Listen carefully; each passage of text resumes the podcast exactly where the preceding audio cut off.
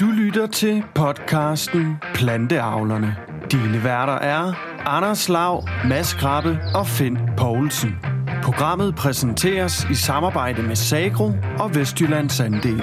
Rigtig god fornøjelse. Goddag, Mads. Goddag, Lav. Planteavlerne. Så sidder vi her igen.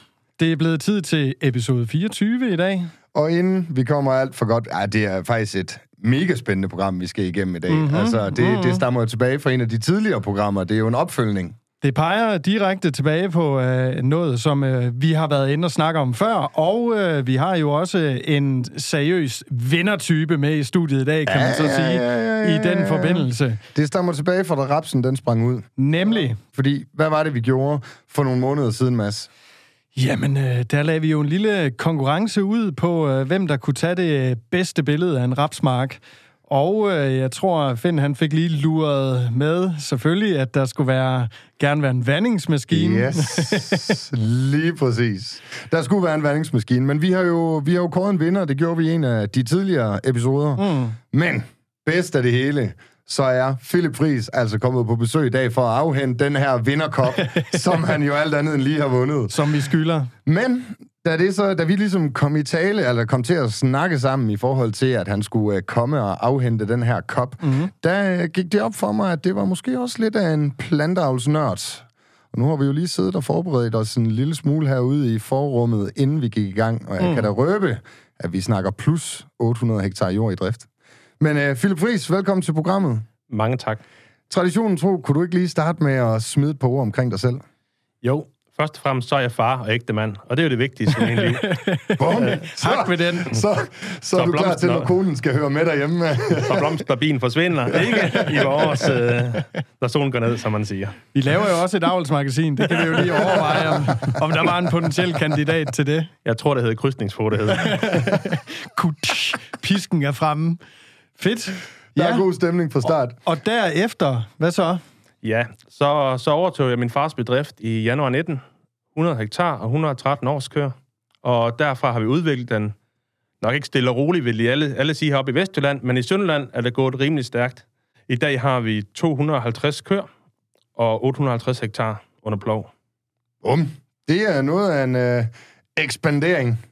Det er noget af en ekspandering, og min bank er meget stolt af mig, fordi jeg har virkelig hjulpet dem med et stort problem med udlånet.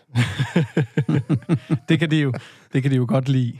Til en vis grænse, tror jeg, det hedder. Kunne vi sådan lige kort inden høre, øh, hvordan er du uddannet, og hvad er baggrunden for, at du hopper hjem og overtager fars ejendom? Jeg er uddannet jordbundsteknolog Ja. i Aarhus, Yes. med økonomi og ledelse som speciale. Ja. Og lidt skat, men det har jeg glemt. Men, og hvad så, så hopper du direkte hjem og øh, overtager far, fars ejendom, eller har du været ude og samle lidt erfaring inden? øhm, imens mange af mine kolleger, de tog øh, til forskellige øh, prøvekurser og tog til forskellige praktikpladser i Danmark i realkredit og banker, så tog jeg første gang til Rusland Okay. for at tage min praktik derovre, øhm, hvor jeg ville lave en, en uh, turnaround-rapport. Og jeg har, før det var jeg faktisk også en tur i uh, Zambia, hvor jeg blev ansvarlig for 500 køer, høste nogle bananer og 100.000 kyllinger. Så det var sådan en stor ansvar at stå der med, med 50 ansatte, øh, hvor jeg ikke rigtig havde fået mit engelsk helt på plads endnu. Puh. Så det kom. Så du har altså faktisk været øh, øh, verden rundt og, og, og søgt noget erfaring og prøvet en masse kræfter af med, med turnaround simpelthen. Ja, jeg har arbejdet i seks lande uden for Danmark med turnaround, og så har jeg rejst i 50 lande ud over det. Så jeg har set lidt af hvert, og, og en landmand går jo sjældent lidt hjem, vel? Så når jeg er ude, så ser jeg landbrug, og selvom jeg kører rundt i Danmark, så siger min kone, hold nu øjnene på vejen. Men de, de nye biler, de styrer selv efter linjerne, så man er jo lidt fristet. Hvor gammel var du, du var? Jeg er 36 år. Seks. Ah, så har du også haft 50 lande, så har du også haft travlt. Jeg har set noget. Wow. Men du kommer altså hjem på ejendommen, du overtager far, fars ejendom, og, og du giver den fuld gas, og du sidder nu og passer 850 hektar. Jeg antager ikke, at det er 850 hektar, du har, har købt i fri handel. Er der en, øh, bestemt, et bestemt setup, du har, har lavet der? Jeg har simpelthen valgt at øh, lege jord og lege stalle. Øhm, jeg har købt min fars 100 hektar, og jeg købte også de, de omkring bygninger til 113 års kør. Yes. Øhm, derudover har vi nu øh, lejet to site til, til studer, hvor de hjælper med at passe dem, og vi har lige lejet en gård i 15 år, hvor der skal være 120-130 maltende jersekør op. Okay. Nu er det jo et planteavlerprogram, mm. så jeg tænker, øh, i respekt for planteavlerne derude, som vi jo taler til ikke finde, så øh, skærer vi lige øh, kvægdelen fra i dag, og så øh, hæfter vi os ved de her 850 hektar øh, planteavlen. Mm. Kunne du fortælle lidt om, hvad du har med at gøre i driften? Jamen, så lad os tage den øh, fra lorten og fremad. Det er en aftale. Så øh, jamen, jeg driver noget plantavl, og vi har egentlig fokus på at være selvforsynende med køerne.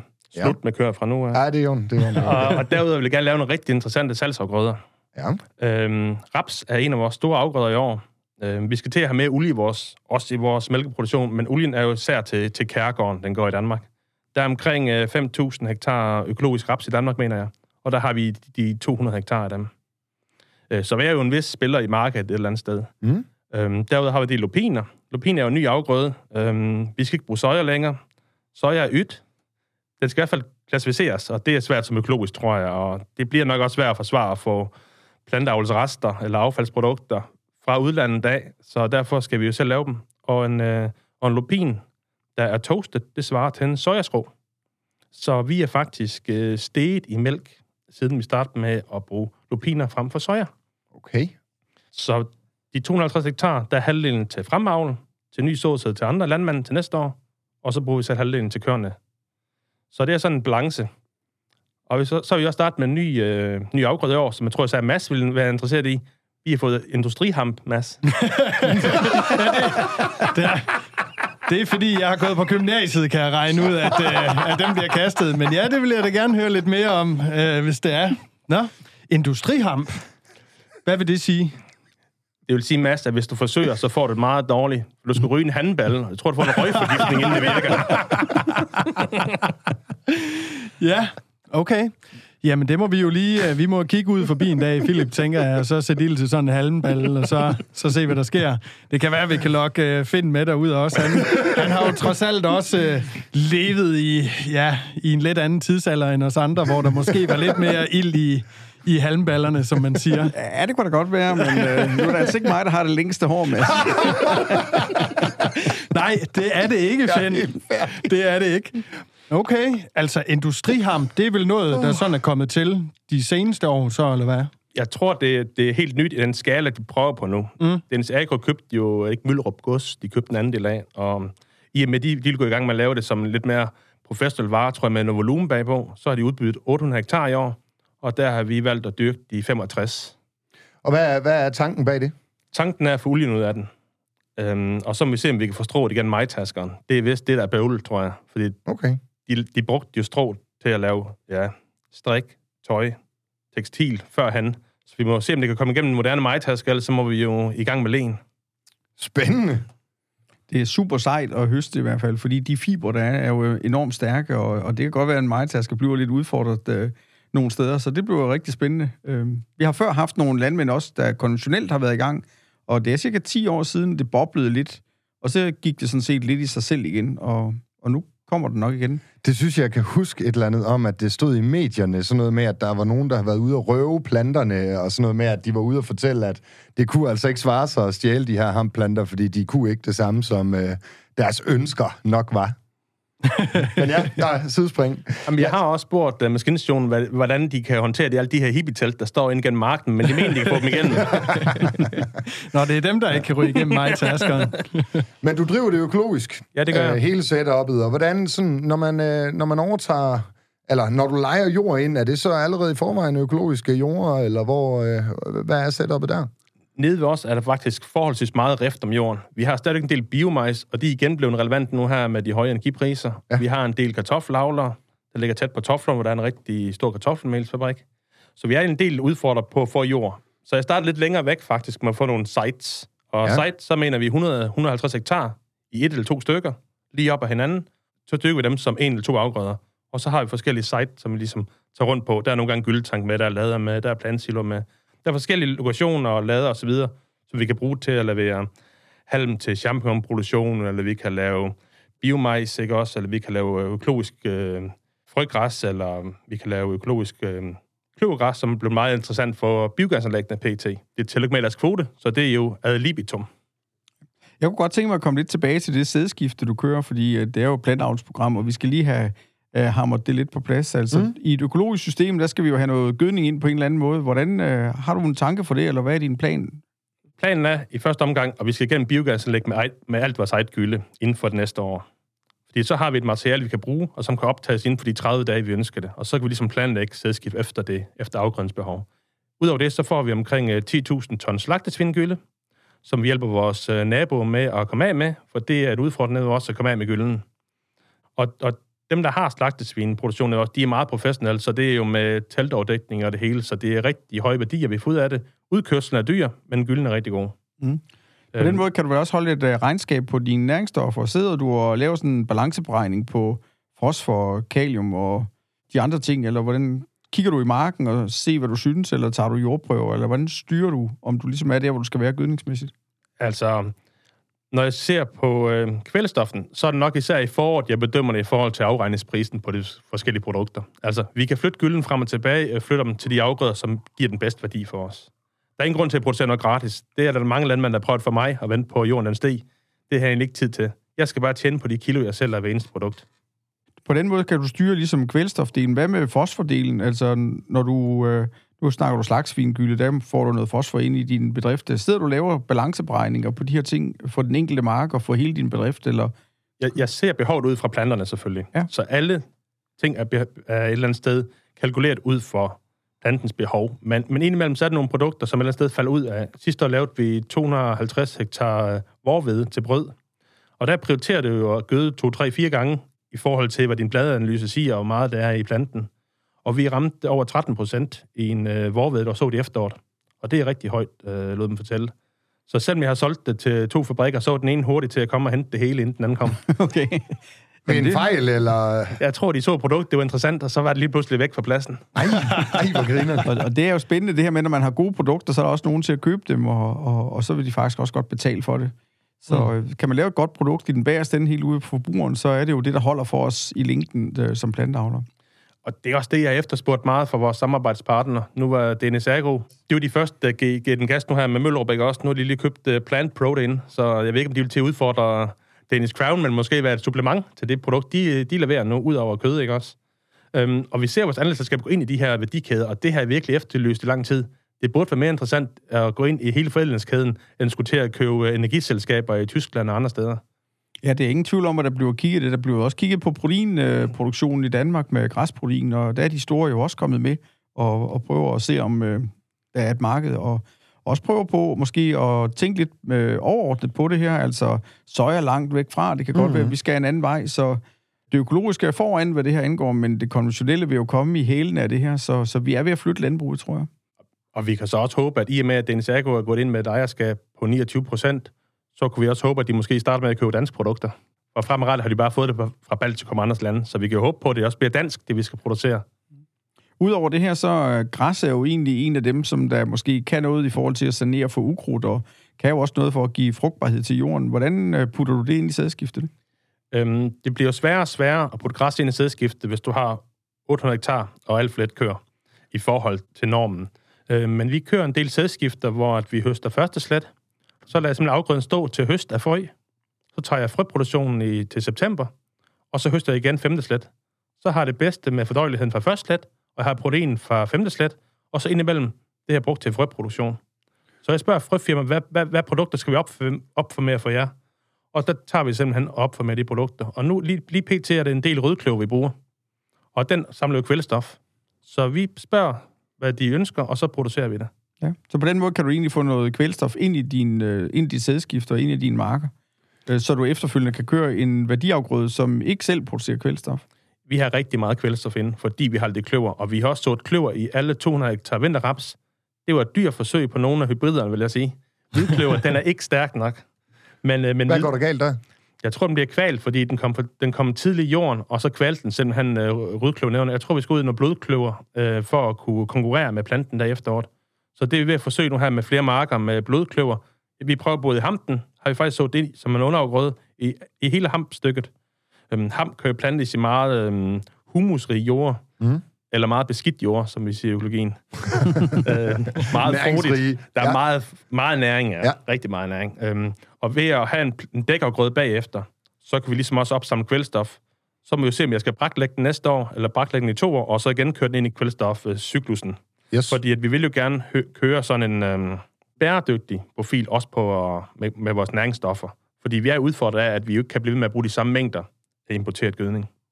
Hvad med ukrudt? Hvordan øh, håndterer du det? Har du en fast strategi, eller kigger du fra mark til mark, og, og så ændrer du strategi, når det er ved at løbe fra dig? Nu tænker han allerede på sprøjtemidler, jo. Ja, det, det er nok ikke. Det var selvfølgelig den nemme løsning, men jeg er ikke sikker på, at det går, selvom det er i Sønderjylland. Nej. Nu ligger vi jo tæt på Tyskland, men, vi, men vi bruger det ikke. Okay. Nej, øhm, altså, jeg ser meget på markniveau, og hvordan, hvordan vi laver behandlinger i den mark. Øhm, når vi overtager noget, noget, noget konventionelt, som vi omlægger, så kan vi tit bredså i to til, til tre år, uden vi ser en u- ukrudtstryk overhovedet. Sidst der havde vi faktisk hestebønder, som vi overhovedet ikke ude i, så død var den jord. Den var fuldstændig død, altså. At der så mange alle næringsstoffer, fordi der har været kartofler, der har 25 år, det er nok noget andet. Men, men der mangler rigtig meget liv i jorden. Der er ikke et eneste muldvarpeskud i 90 hektar, og hvis du går 5 meter hjemme med mig, så falder der over et muldvarpeskud. Så, så den var helt død, så der bredsåt vi. Og ellers så er vi lige i start med at så alt på 25 cm. Og det er simpelthen konsekvent øh, i forhold til, at øh, jeg har lovet mig selv, at jeg ikke fik byg igen. Men øh, i år har vi 40 hektar som test igen, og det har vi redrenset inden den her tørre periode kom, så der er jo indtil ukrudt overhovedet i den nu her. Mm. Den er blindstrilet renset, og nu er den ren. Hvad, hvad så du med, og kører du pløjning foran øh, etableringen af alle afgrøder, eller hvordan? Øhm, ja, vi kører pløjning foran alle afgrøder PT. Jeg tror, vi skal ind noget andet på et tidspunkt, og um, vi fræser til det, inden vi pløjer også for at omsætte uh, næringsstofferne og græsmarken hurtigere. Men, men vi har forskellige sædskifte planer, der vi, vi går og roder lidt med, øhm, og noget på forsøg, og noget sådan lidt større. Vi er begyndt at bruge mere bumikbom til at placere gødningen øh, efter pløjningen, og så derefter så afgrøden, så er det mere tilgængeligt, den er tættere på afgrøden. I stedet for at smide ned 25 cm, så smider den op i 10 cm eller 5 cm, og planten lige kan starte.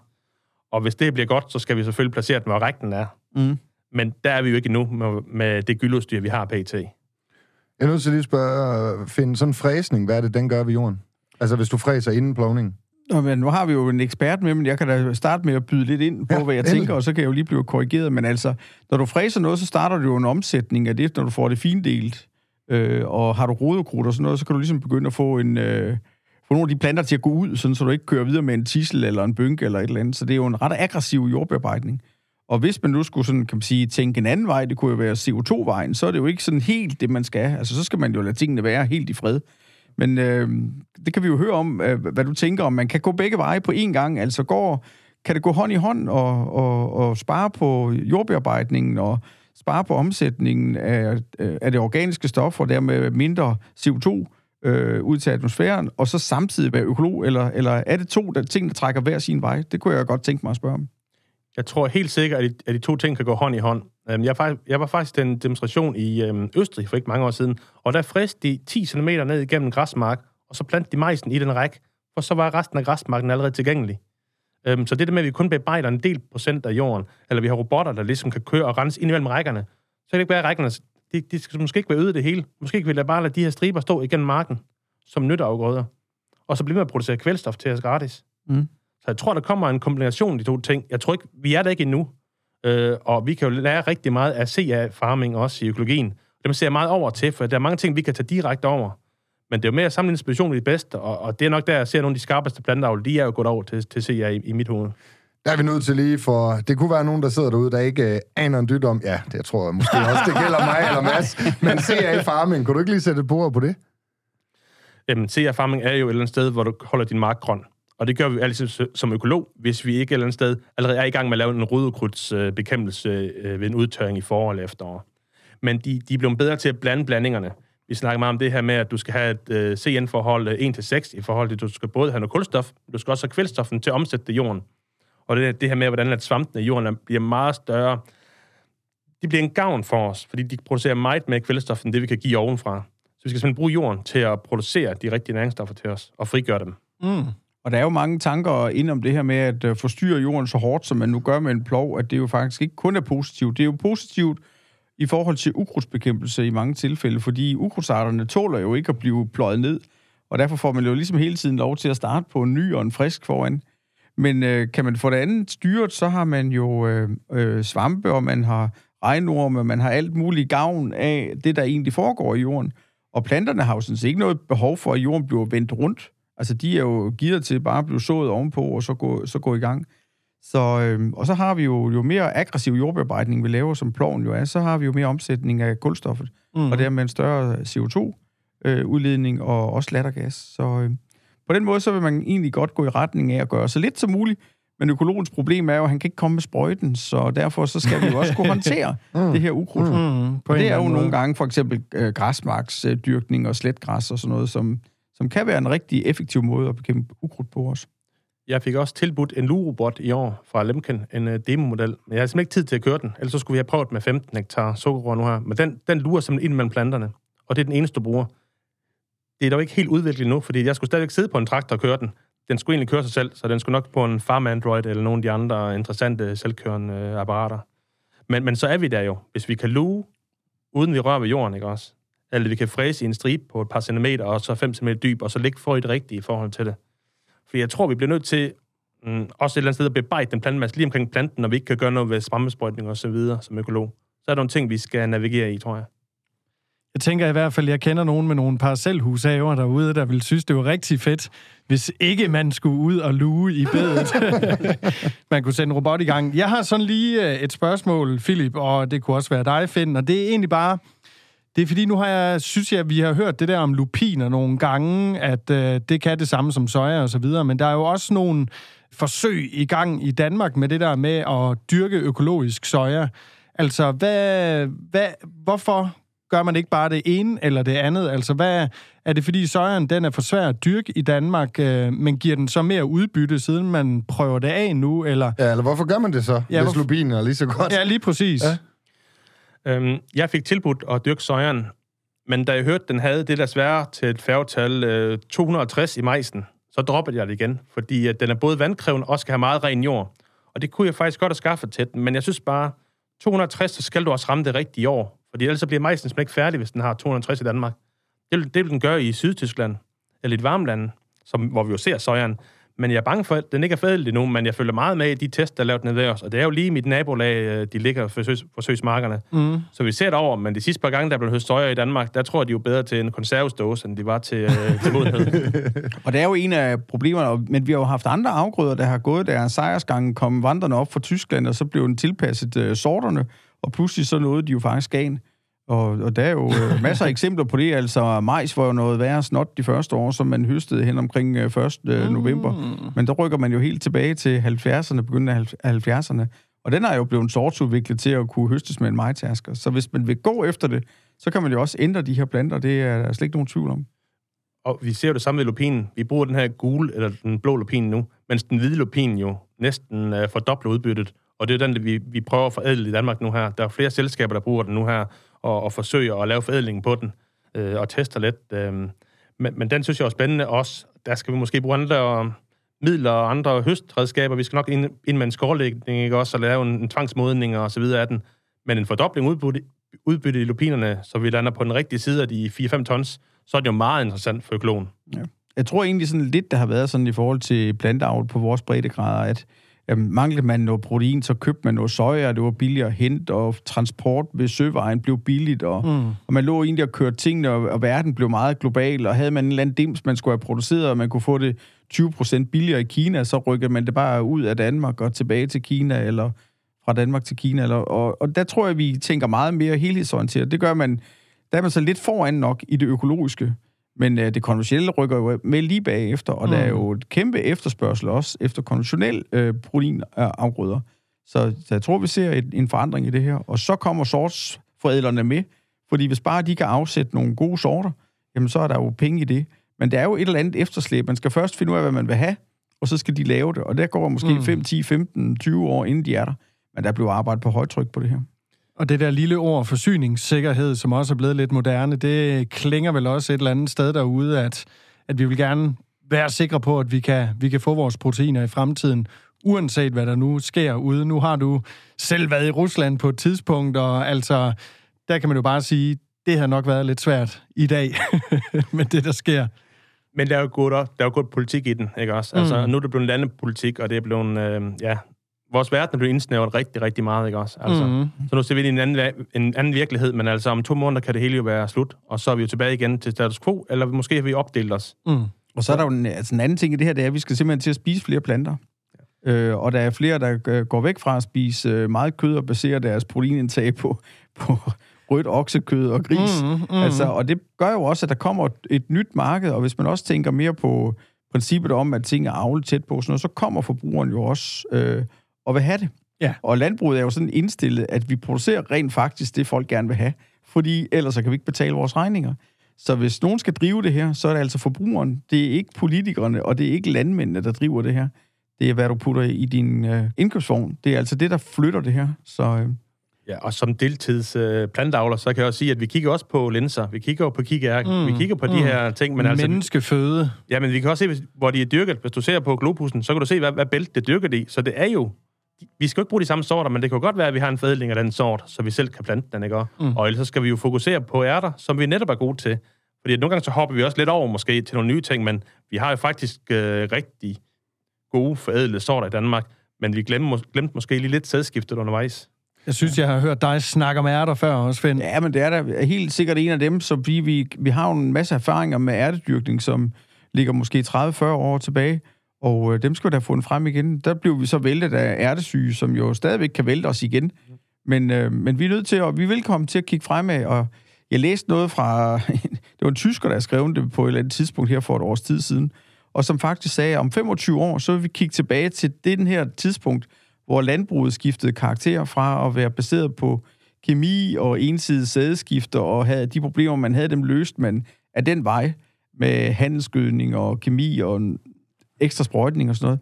Og hvor man så egentlig vil komme til at arbejde lidt mere med sædskifte og intelligent øh, jordbearbejdning mm, og alt mm. muligt andet. Så vi, vil- vi står nok foran et skridt, og der tror jeg, man skal være klar, med mindre man er lige så gammel som mig, så man sådan lige kan fedt de sidste fem år af. Kan læne sig lidt tilbage og sige, det går nok. Jeg spoler lige 5-7 minutter tilbage i programmet. Du nævner det her tal, færgetallet. Uh, du sætter nogle tal på sojaen. Du gør det ikke lige på lupinerne. Kunne du uh, lige forklare, hvad det er, og måske også fortælle lidt om lupinerne? Er de lige så udfordret?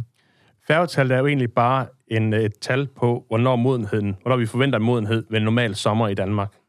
Og, og færgetallet øh, 260 er langt henne. Øh, 220-230 nede i vores område er meget normalt at opnå, men vi er også et af de steder i Danmark, hvor vi har det højeste færgetal. Så når mere du tager nordpå, nu lavere bliver det. Så fik vi i hvert fald også den med. Mm, og så mm. lige på falderæbet. Vi har været vidt omkring, vi har været i udlandet, vi har været herhjemme, vi har været ved nye afgrøder. Vi har snakket rigtig mange ting. Kunne du ikke kort lige oprids, hvilke afgrøder har du egentlig med hjemme hos dig i sædskiftet? og så, hvor er sjovest at dyrke? Vi har omkring 200 hektar raps. Så har vi omkring 250 hektar lupiner. Øhm, vi har droppet øh, hestbønner i år, fordi der er jo der er ikke plads til at vande både øh, hestebønner og raps. Så har vi valgt rapsen til i år. Okay. Og fordi sædskiftet så tager en stor belastning af lupinerne, så er det valgt fra pt. et par år, og så kommer de tilbage igen. Øhm, og så har vi noget vorved, 50 hektar vorved, omkring øh, 50 hektar rødkløver og frøgræs, og 50 hektar øh, vorbyg. Og så har vi noget afgræsning og noget kløvergræs og 50 hektar ru og tritikale, lidt som noget test igen. Øhm, prisen var meget lav sidste år, der, der var vi tæt på en krone. Nu er de tæt på 3 kroner, så det har jo ændret lidt mm. øh, i forhold til tingene. Så vi er jo omstillingsparate i vores erhverv, øh, og vi skal også tidligt på pension, så... Øh, Og så vi- var der, og afslutningsvis, så var der hampen. Åh oh ja, så har ja. vi 65 hektar hamp, men øh, jeg tør ikke nævne det her, fordi jeg ved ikke, hvem der render rundt derude i morgen. Nej, det er selvfølgelig Mads. rigtigt. Og Yes. hvilken afgrøde er sjovest at have med at gøre? Jeg tror, at rapsen bliver interessant i år, for jeg tror, vi kommer til at ligge på den rigtige side af 3-3,5 tons, og det er jo fornuftigt til en, til en 8-9 kroner. Så du er motiveret af høje udbytter. Det er i hvert fald en del af det. Og så kan Mads få lov til at sige, Sagde han på Sønderjysk. bundlinje. Ja, ja, bundlinje, det er jo øh, vores yndlingsord her. Men ja, det var simpelthen dagens episode af Planteavlerne, og det er jo som altid Finn Poulsen, denne gang med Philip Fris og selvfølgelig Mads Krabbe. Og så vil jeg lige skynde mig at sige, det er jo, hvad der kan komme ud af at sende et billede af en rapsmark og vinde en kop, der skal hentes. Det er jo simpelthen, at man øh, kommer herind og deler ud af sin store viden. Så det var mega spændende, Philip, at høre. Det var mega fedt, og mange tak. Til alle jer derude, tusind tak, fordi I lytter med.